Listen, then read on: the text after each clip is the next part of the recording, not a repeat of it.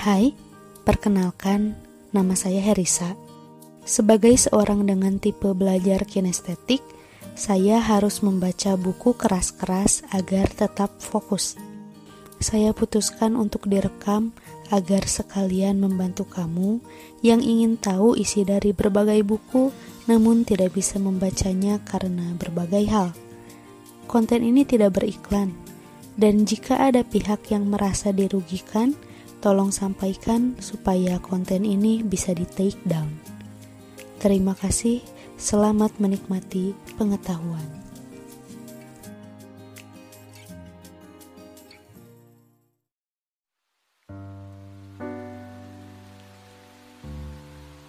Pembacaan buku Fihi Mafihi mengarungi samudra kebijaksanaan karya Jalaluddin Rumi versi bahasa Indonesia diterjemahkan oleh Isa Ali Al-Akub pengantar penerjemah.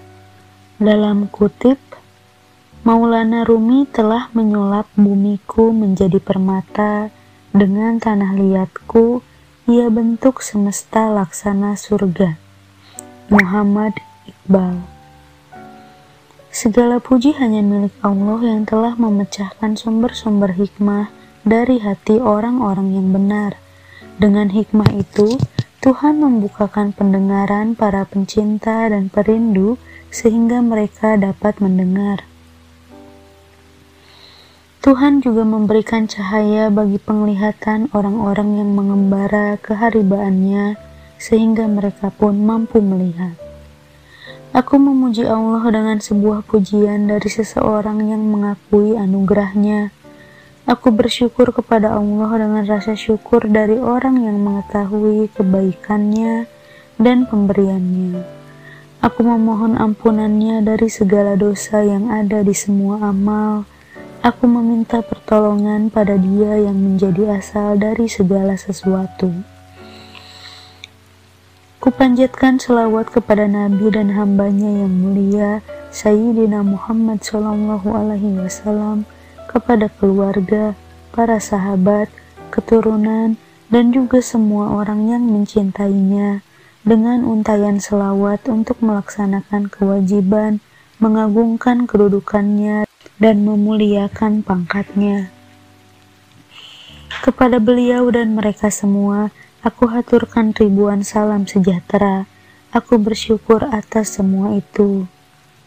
Tiada apa pun lagi di sana selain Allah. Barang siapa yang mengetahuinya, maka ia akan meraih kebahagiaan sejati. Siapa pun yang melupakannya, maka ia akan tertimpa kerugian yang nyata. Tingkatan para makhluk di jalan ma'rifat ini bertingkat-tingkat. Di antara mereka ada yang terpandang, rajin melaksanakan sholat, dan yang mampu bertajali atau menangkap penampakan keagungan Allah. Ada pula seseorang yang terdiam, yang tak diketahui keadaannya.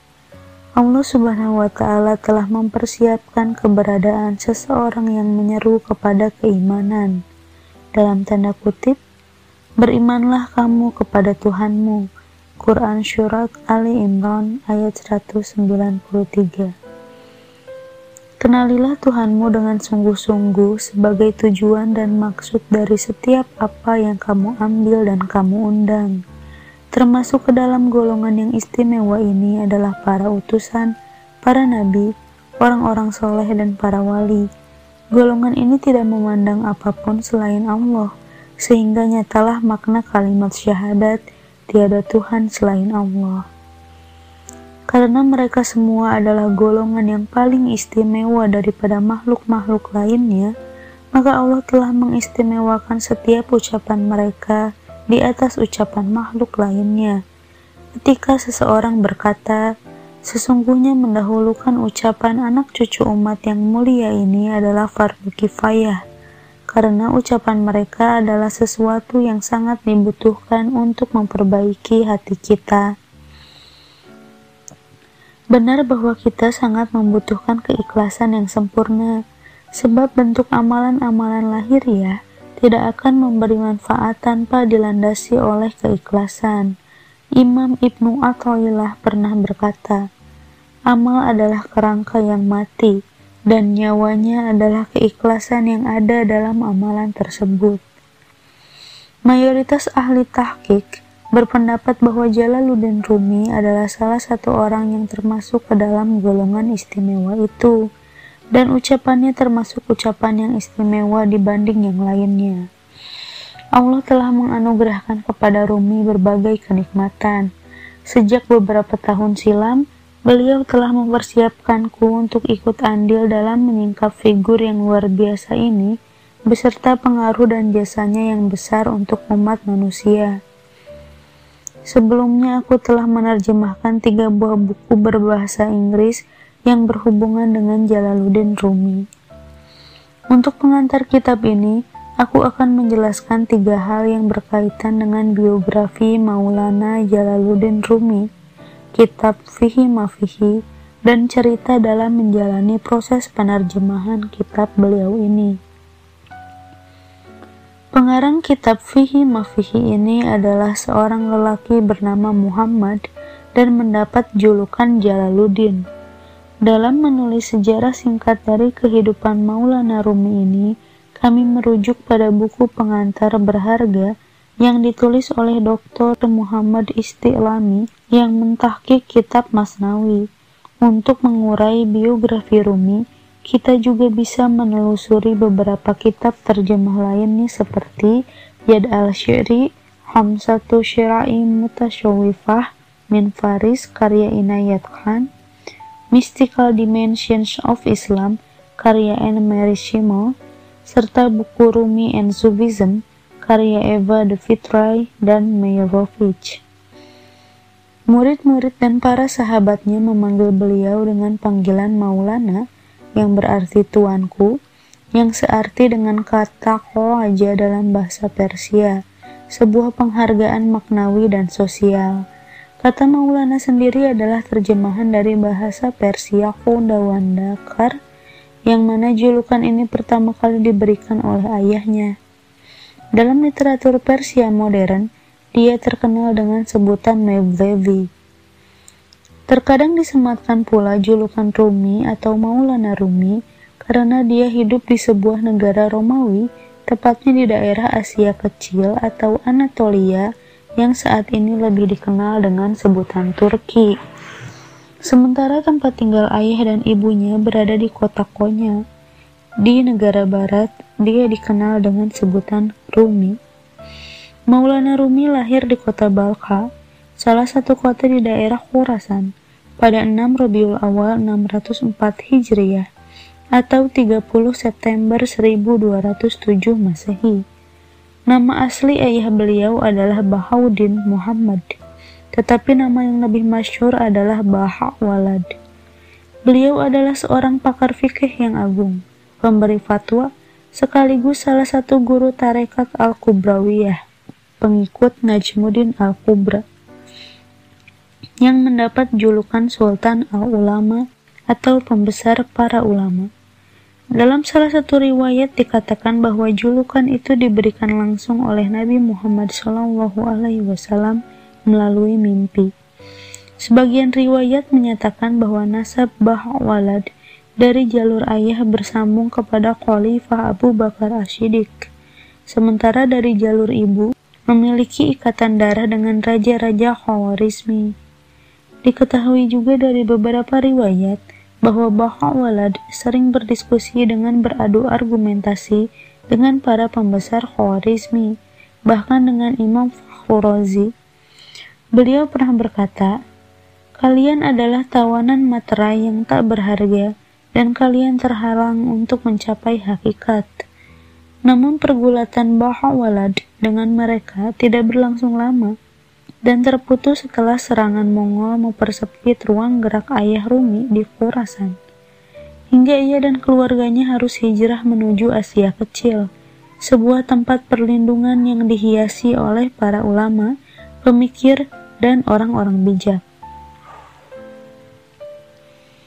Sampai beberapa tahun sebelum mereka berhijrah, Pahawalad tidak menetap di kota Balkha.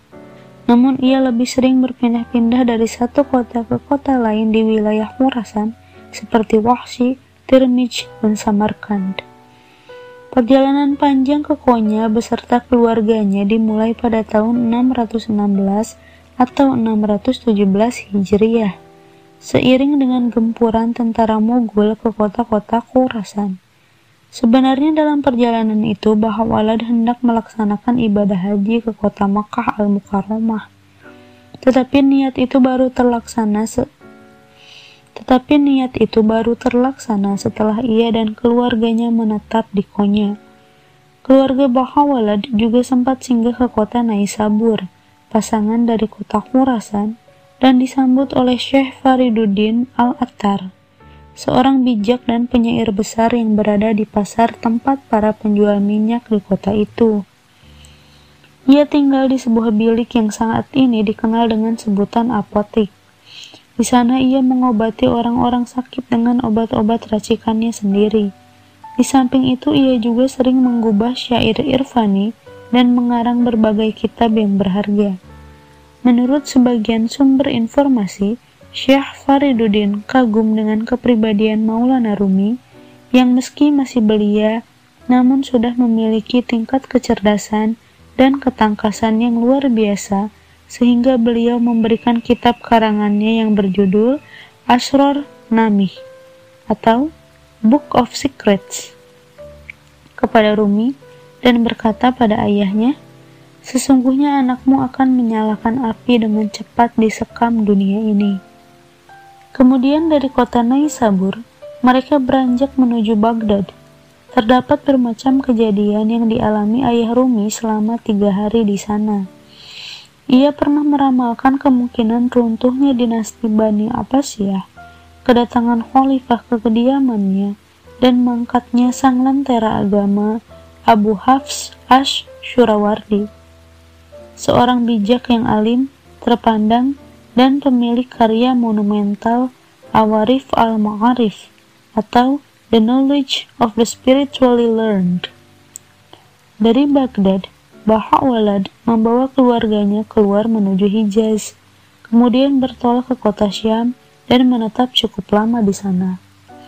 Beberapa versi riwayat yang tidak begitu valid menjelaskan perjalanan Baha'u'llah dan putranya Maulana Rumi menuju kota Arzamjan di negara Armenia, bahwa mereka juga pernah singgah dalam waktu yang lama di kota Akshar atau Aksehir, Malta, dan Laranda yang menjadi tempat wafatnya ibunda Maulana Rumi, Mukmine Khotun. Di tempat ini pula lah Rumi dipertemukan dengan seorang gadis bernama Jauhar Khotun yang kemudian dinikahinya dan melahirkan putra yang bernama Sultan Walad. Perjalanan Bahak Walad bersama putranya sampai ke kota Konya pada tahun 626 Hijriah atau 1229 Masehi. Kedatangannya dimuliakan oleh Sultan Seljuk Romawi Alauddin Kaikubad. Baha'u'llah meninggal dunia pada 18 Rabiul Awal 628 Hijriah atau 1231 Masehi. Kemudian Maulana Rumi menggantikan kedudukan ayahnya dalam mengajar ilmu fikih, memberi fatwa dan pendidik manusia. Setahun setelah wafatnya Baha'u'llah, datanglah salah seorang muridnya yang bernama Burhanuddin Muhqiq al-Tirmizi yang ingin menemui guru yang dirindukannya. Namun perpisahan Burhanuddin dengan gurunya ini membuatnya pilu. Kemudian Burhanuddin memberikan pendidikan pada Maulana dan yang pertama kali ia sampaikan adalah apa yang ia peroleh dari ayahnya. Burhanuddin menyarankan agar Maulana Rumi pergi ke pergi ke kota Syam untuk meningkatkan kapasitas keilmuannya. Rumi kemudian dikirim ke kota Halab. Sambil ditemani olehnya, Rumi keluar sampai ke daerah Caesarea. Selama sembilan bulan lamanya, Burhanuddin al-Tirmizi menjadi kekasih sekaligus mursyid bagi Rumi, baik jauh maupun dekat. Diceritakan pula bahwa Maulana menetap di Halb sebelum menjelajahi separuh wilayah Damaskus. Sebagian pakar berpendapat bahwa wawasan luas Maulana Rumi yang berkaitan dengan keilmuan Islam terlihat pada kitabnya Masnawi. Ia berhasil memperoleh pengetahuan tersebut saat ia masih berada di Halb dan Damaskus, di mana pada saat itu dua kota ini terkenal dengan sekolah-sekolah Islam terkemuka yang pengajarannya dijalankan oleh para cendekiawan ilmu fikih tersohor. Di dekat sekolah itu, tepatnya di Damaskus, juga hidup seorang guru irfani terbesar, Syekh Muhyiddin Ibnu Arabi. Termasuk dari kebiasaan para pencari ilmu tersurat maupun tersirat adalah menelusuri separuh Damaskus dari setiap penjuru dunia Islam. Kemudian Maulana kembali ke kota Konya dengan membawa predikat sebagai seorang yang alim akan ilmu-ilmu keislaman. Para cendekiawan dan ulama menyambut kedatangannya. Begitu pula dengan para pengikutnya, yakni kaum sufi yang menganggapnya sebagai bagian dari mereka. Pada kesempatan itu, Burhanuddin memaksa dan mendorongnya untuk menjadi seorang mursyid besar dan salah satu guru irfani yang agung. Pada tahun 638 Hijriah atau 1241 Masehi, Burhanuddin Al-Tirmizi wafat di kota Caesarea. Sedangkan Maulana Rumi terus mengajar dan memberi tuntunan kepada para murid di sekelilingnya. Keadaan ini terus berlangsung sampai tahun 642 Hijriah sebelum terjadinya perubahan besar pada kehidupan Maulana Rumi, tepatnya pada Senin 26 Jumadil Sani 642 Hijriah, Syamsuddin Al-Tabrizi berkunjung ke kota Konya. Dia adalah seorang pria berperawakan tinggi, wajahnya padat berisi, serta kedua matanya dipenuhi oleh amarah dan kasih sayang. Dia banyak bersedih dan umurnya sekitar 60-an tahun. Syams telah banyak bergulat dengan para guru tarekat dan sempat menimba ilmu kepada beberapa mursyid. Di antaranya adalah Abu Bakar As-Salal At-Tabrizi dan Ruknuddin Ash-Shijasi.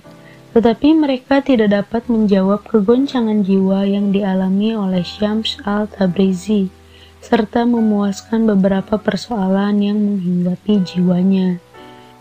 Karena merasa tidak puas, Beliau kemudian meninggalkan kampung halamannya untuk mencari seseorang yang mampu memberinya jawaban. Beliau pernah berkata, "Aku mencari seseorang yang sejenis denganku agar aku dapat menjadikannya kiblat tempatku menghadap. Aku telah jenuh dengan diriku sendiri." Demikianlah hingga akhirnya beliau pergi dari Tabriz menuju Baghdad dan terus melanjutkan perjalanannya ke Damaskus, tempat Ibnu Arabi berada. Di sana terjadilah pergulatan dan diskusi antara keduanya. Beliau masih terus mengembara dari satu kota ke kota lainnya dan akhirnya sampai ke kota Konya. Syamsuddin diliputi oleh kebingungan, sebagaimana disinggung dalam beberapa tulisannya yang menggambarkan kebingungan itu. Ketika ia sampai ke sana, ia tidak mengetahui apakah ia akan menemukan seseorang yang dicarinya di kota itu atau tidak. Beberapa saat lamanya ia terdiam. Dengan menyembunyikan identitas aslinya, ia menyewa sebuah kamar bersama seorang pedagang di kediaman seorang wanita pedagang gula. Sampai akhirnya ia menemukan Rumi. Berbagai macam versi yang serupa dalam riwayat-riwayat ini meyakini jika Syamsuddin tahu akan keberadaan Rumi di kota Konya. Di tengah persinggahannya itu, ia selalu menunggu kesempatan untuk menemuinya, dan akhirnya ia meyakini bahwa Rumi sama dengan para pengajar lainnya yang kering dan dangkal. Namun demikian, di awal pertemuan mereka, Syams telah mengagumi beberapa potensi yang ada dalam diri Rumi, dan demikian juga sebaliknya. Beberapa sumber hikayat menjelaskan bahwa Syamsuddin turun laksana guntur menyambar cakrawala pemahaman Rumi hingga ia ingin guntur itu yang meluluh lantakan dirinya. Seperti yang beliau katakan, apa yang membebaniku dengan keluluh lantakan ini jika dalam kefanaan tersimpan harta karun sang sultan. Setelah keduanya bertemu, semangat mengajar dan mendidik murid dalam diri Rumi menjadi sirna. Ia tinggalkan majelis taklim dan kebiasaannya menjadi imam sholat dan lebih memilih untuk menyibukkan diri dengan menari dan memukulkan kedua kakinya ke tanah, tenggelam dalam alunan lagu-lagu Ghazal yang memengaruhi jiwa. Fenomena ini menyulut kemarahan para pengajar fikih yang akhirnya mengucilkannya dan menghasut para pengikut Rumi. Akibatnya, satu persatu dari pengikutnya meninggalkan Rumi dan berpindah kepada para fukaha itu. Fitnah telah memperdaya kota Konya, hingga pengaruhnya membuat Syamsuddin Tabrizi beranjak dari kota tersebut. Pada 21 Syawal 643 Hijriah atau 1245 Masehi, Syams pergi tanpa memberitahu ke mana ia akan pergi. Kejadian itu meninggalkan kesedihan pada diri Rumi. Ia pun semakin sering menyanyikan lagu-lagu Gozal untuk melipur lara di hatinya. Hingga lahirlah majelis baru, tempat di mana sang pemberi fatwa rindu untuk mengundang manusia bermain musik dan menyimaknya. Sebagaimana keterangan yang didapat dari Dr. Muhammad Istiqlami, pentahkik kitab Masnawi, bahwa pada akhirnya kebahagiaan menghampiri Maulana saat ia tahu Syamsuddin berada di kota Syam. Dalam senandung syairnya, ia berkata, waktu subuh mana lagi yang akan muncul jika ternyata ia berada di kota Syam? Setelah beberapa lembar surat dan buku tak mampu membuat Syams kembali ke Konya, Rumi mengutus anaknya, Sultan Walad, ke Damaskus untuk menjemput sang guru. Sultan Walad kembali bersama Syams Tabrizi ke Konya pada bulan Julhijjah tahun 644 Hijriah atau 1246 Masehi. Namun belum lama ia tinggal di sana, untuk kedua kalinya permusuhan pada Syams dengan cepat mengakar kuat di seluruh hati masyarakat karena tamu-tamu akal tidak dapat menerima keberadaan sang magician, sebagaimana pemahaman mereka yang sempit, menyebabkan mereka menuduh Rumi sebagai orang gila yang kelakuannya hanya menari di tempat-tempat umum dan di pasar-pasar. Tidak jarang para ahli fikih menyerang Rumi dan gurunya. Banyak pula dari para sahabat dan musuh-musuhnya yang ingin menumpahkan darah Syams. Bahkan, Konon ada banyak riwayat yang menceritakan bahwa pada akhirnya Syams mati terbunuh. Apa pun yang terjadi, faktanya adalah bahwa Syamsuddin Al-Tabrizi menghilang dari penglihatan tahun 648 Hijriah setelah tersulutnya fitnah yang kedua. Sedangkan riwayat tentang pembunuhannya tidak dapat dipercaya Beberapa sumber berita justru menceritakan kepergian Rumi ke kota Damaskus untuk mencarinya. Dengan sebab fajar, kebahagiaan yang bersinar dari arah itu, di setiap sore dan petang, aku terlena oleh berbagai macam sihir di kota Damaskus. Setelah beberapa waktu, Rumi kembali ke Konya ia kembali mengajar dan memberi tuntunan, memberi petunjuk untuk para muridnya. Tetapi kali ini arahan dan ajaran Rumi lebih murni bernuansa sufisme dengan bingkai tarian dan musik. Hal ini terus beliau lakukan hingga akhir hayatnya.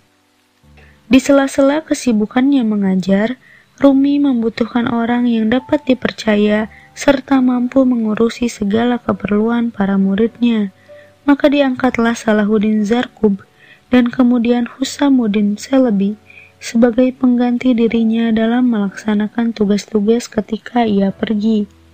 Mereka berdua membantu Rumi dalam mengobati dan menyelesaikan segala persoalan yang dihadapi para murid dan setiap orang yang mengunjunginya. Salahuddin Zarkub adalah wakil Rumi yang pertama. Ia berasal dari salah satu desa di Konya.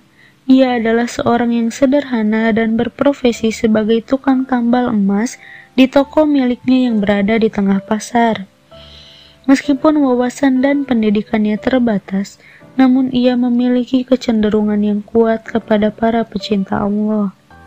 Rumi memberikan perhatian yang besar kepadanya dengan menjadikannya sebagai pelaksana dalam mengarahkan para murid, terutama dari kalangan tua renta.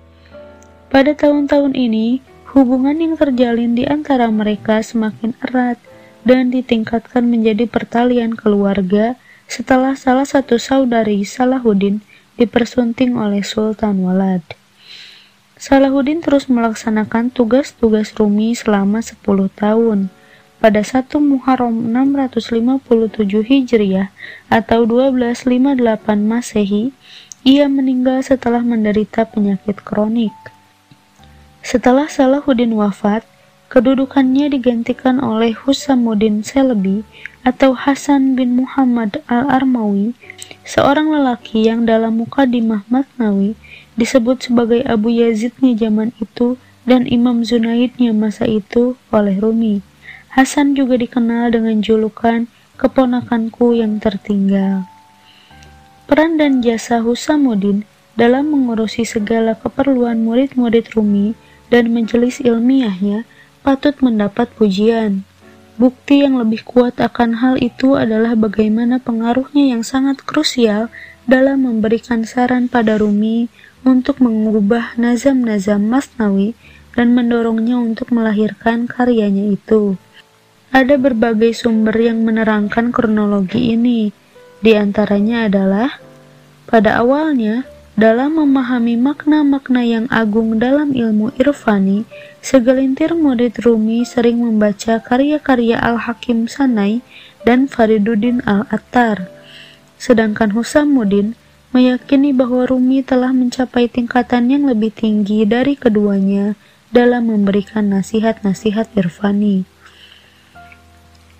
Bahkan produktivitas hati dan keistimewaan beliau memungkinkannya menciptakan sebuah karya yang jauh lebih berharga dan fenomenal dari kitab Hadiqatul Haqiqah karya Sanai atau nazam-nazam milik Fariduddin Al-Attar. Diceritakan pada suatu malam, Husamuddin mendatangi gurunya. Rumi kemudian menyarankannya untuk menggubah syair yang mirip dengan kitab Hadiqatul Haqiqah Tiba-tiba Rumi mengeluarkan secari kertas yang berisi 18 bait dari permulaan kitab Masnawi dari ujung serbannya. Yang jelas dalam empat atau lima tahun terakhir dari hidupnya, Rumi senang berholwat dalam kesendiriannya dan tidak menyibukkan diri dengan memberi bimbingan dan petunjuk dalam bentuk nazam. Pertemuan Rumi dengan para simpatisan hanya terbatas pada majelis sima yang menjadi halakoh zikir dan tempat berkumpulnya syekh dengan murid-muridnya menari dan berputar-putar.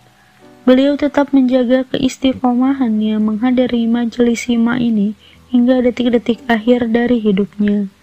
Di malam terakhir sebelum beliau meninggal, Rumi terkena demam parah. Namun tak sedikit pun terlihat di wajahnya ada tanda-tanda sakaratul maut. Bahkan beliau juga masih sempat menyenandungkan lagu-lagu Gozal dan menampakkan kebahagiaan di wajahnya. Ia juga melarang para sahabatnya untuk bersedih atas kepergiannya. Di malam sebelumnya aku bermimpi melihat seorang syekh di pelataran rindu. Ia menudingkan tangannya padaku dan berkata, "Bersiap-siaplah untuk bertemu denganku." Konon, Syair di atas adalah bait terakhir yang digubah oleh Rumi. Akhirnya pada Ahad 5 Jumadil Sani 672 Hijriah atau 1273 Masehi, ketika siang telah mengumandangkan azan perpisahan dan di senja harinya dua matahari terbenam sekaligus di ufuk barat, yang salah satunya adalah sang surya Maulana Jalaluddin Rumi. Demikianlah biografi dari seorang lelaki agung yang telah memenuhi agama Islam dengan ilmu yang serupa kimia, dapat mengubah tambang-tambang yang bernilai menjadi emas. Berdasarkan keyakinan orang-orang terdahulu, beliau mengubah syair-syair indah menjadi piranti dalam memperbaiki keadaan jiwa yang rusak. Jika tidak demikian, Bagaimana mungkin Profesor Nicholson rela menghabiskan waktu 30 tahun dari umurnya untuk mempelajari kepribadian Jalaluddin Rumi dan mengklaim dirinya sebagai penyair sufi terbesar? Nicholson berpendapat bahwa deskripsi tentang Rumi yang dilakukannya ini belumlah menyingkap hakikat dari sang sufi tersebut. Ia berkata, jika tidak demikian, mana mungkin kita dapat melihat suatu gambaran yang mencakup segala eksistensi dengan sempurna terhampar di depan mata kita saat ini dan selamanya? Sesungguhnya syair gubahan Rumi ini ditinjau dari karakter sufisme, mengandung unsur-unsur sarkatis dan sinisme, serta berbagai logika yang dapat menimbulkan ratapan dan bermacam deskripsi seorang koreator yang saat ia menyentuh sebuah barang maka esensi darinya akan tersingkap. Secara singkat akan aku paparkan beberapa karangan Maulana Rumi dan akan aku sebutkan secara khusus tentang kitab yang diterjemahkan ini dengan penjelasan terperinci. Maulana Rumi meninggalkan dua buah karya yang mengupas tentang sastra. Di antara kitabnya, ada yang redaksinya berbentuk prosa, dan ada pula yang susunannya berbentuk nazam. Karya yang redaksinya berbentuk prosa adalah Al-Majalis As-Sab'ah. Kitab ini berisi kumpulan nasihat dan khotbah yang disampaikan Rumi di atas mimbar-mimbar, adapun isinya merupakan hasil dari pengembaraan hidup Rumi yang mempertemukan dirinya dengan sang guru Syamsuddin Al-Tabrizi. 2. Majmu'ah min Ar-Rasail Majmu'ah min Ar-Rasail Kitab ini berisi sekumpulan surat yang ditulis oleh Rumi kepada para sahabat dan kerabatnya. Dan tiga, Fihi Mafihi, kitab yang diterjemahkan ini. Sementara karya-karya Rumi yang berupa nazam adalah satu, Diwan Syams Tabrizi. Kitab ini berisi gozal sufi yang jumlahnya hampir mendekati 3.500 gozal, seperti yang dikatakan orang-orang Iran. Diwan ini digubah dengan mengikuti bahar-bahar yang bervariasi dengan jumlah baitnya mencapai 43.000 bait. Rumi menggubah diwan ini untuk mengungkapkan ketergantungannya kepada gurunya Syamsuddin Tabrizi. Karenanya, terjalinlah persatuan antara murid dan gurunya Sampai-sampai Rumi menggubah diwan dan pada akhirnya terucap nama Syams oleh lisannya sehingga diwan ini terkenal dengan nama Diwan Syams Tabrizi. 2. Rubaiyat yang dinisbahkan kepada Maulana Rumi. Dalam kitab ini terdapat 1659 bait yang wazannya berbentuk rubai, terdiri dari empat baris sementara keseluruhan baitnya mencapai 3.318 bait. Dan tiga, Masnawi. Nazam berbahasa Persia yang dalam bahasa Arab searti dengan kata biner. Dalam setiap bait terselip rima yang menyendiri dari rima bait-bait lainnya, namun dua penggalan dalam satu baitnya tetaplah sama. Sekumpulan syair besar ini tercakup dalam enam kitab yang berisi 25.000 bait syair dan membahas berbagai macam tema berhubungan dengan manusia, dunia, dan akhirat. Seperti yang telah aku sampaikan sebelumnya, kini kita telah sampai pada pembahasan mengenai karya fenomenal kitab Fihi Mafihi yang telah aku terjemahkan untuk para pembaca. Kitab Fihi Mafihi Kitab Fihi Mafihi ini selesai diterjemahkan dari bahasa Persia ke bahasa Arab oleh Isa Ali Al-Akub seorang yang tumbuh di desa Huwaijah, salah satu distrik di Suriah, dan bertempat tinggal di Halb al-Amira, tepat pada jam 7 sore, Selasa 17 Syawal 1421 Hijriah. Kitab ini adalah karya Maulana Jalaluddin Rumi yang penyampaiannya berbentuk prosa. Kebanyakan pembahasan dalam setiap pasal-pasalnya merupakan jawaban dan tanggapan atas bermacam pertanyaan dalam konteks dan kesempatan yang berbeda-beda. Sebagian dari isi pembahasan kitab ini berisi percakapan antara Rumi dengan Mu'inuddin Sulaiman Barunah, seorang lelaki yang memiliki kedudukan tinggi di birokrasi pemerintahan Seljuk Romawi. Mu'inuddin adalah orang yang sangat merindukan para ahli batin dan termasuk golongan yang meyakini kewalian Maulana Rumi. Kitab Fihi Mafihi ini berisi kumpulan materi perkuliahan, refleksi, dan komentar yang membahas masalah sekitar akhlak dan ilmu-ilmu irfan yang dilengkapi dengan tafsiran atas Al-Quran dan hadis. Ada juga beberapa pembahasan yang uraian lengkapnya dapat ditemukan dalam kitab Masnawi. Seperti halnya Diwan Masnawi, kitab ini menyelipkan berbagai analogi, hikayat, sekaligus komentar Maulana Rumi. Selain itu, kitab ini bisa membantu kita untuk memahami pemikiran beliau dan menyingkap maksud-maksud ucapannya dalam berbagai kitab lainnya. Maulana Rumi juga tidak lupa mencantumkan beberapa nama yang memiliki hubungan emosional dengan beliau, seperti Bahak Walad, ayahnya, Burhanuddin Muhakkik Al-Tarmizi, guru ayahnya, yang mendidiknya setelah sang ayah wafat, Syamsuddin Tabrizi, sang maha guru Rumi, dan juga kekasih sekaligus penolongnya, Salahuddin Zarkub. Kitab Fihi Mafihi juga memuat ensiklopedia budaya Maulana Jalaluddin Rumi. Diketahui bahwa beliau memiliki pengetahuan yang sangat dalam dan luas tentang bermacam-macam isu. Sebagian dari kemampuannya adalah bagaimana ia bisa mengungkapkan gagasan cemerlang dengan memakai redaksi yang biasa digunakan sehari-hari. Misalnya ketika beliau menjelaskan roh Islam, dan kehendak Allah dengan segala ciptaannya, beliau memakai term isk, yaitu kerinduan dan kecenderungan relung hati pada wujud yang dirindukan, yang dapat memengaruhi perasaan dan memalingkan akal, jiwa, dan hati dalam waktu yang bersamaan. Tujuan pokok dari kitab Fihi Mafihi ini adalah tarbiyah rohani pada manusia agar ia mengikuti apa yang dikehendaki Allah, Tuhan semesta dan jagat raya ini. Asalnya, kitab ini terdiri dari 71 pasal yang panjang redaksinya berbeda-beda dan tanpa diberi judul. Enam pasal di antaranya ditulis dengan menggunakan bahasa Arab, yaitu pasal 22, 29, 34, 43, 47, dan 48. Kami kemudian mentoleransi untuk memberikan judul atas setiap pasal sesuai dengan isi pembahasan yang dikandungnya.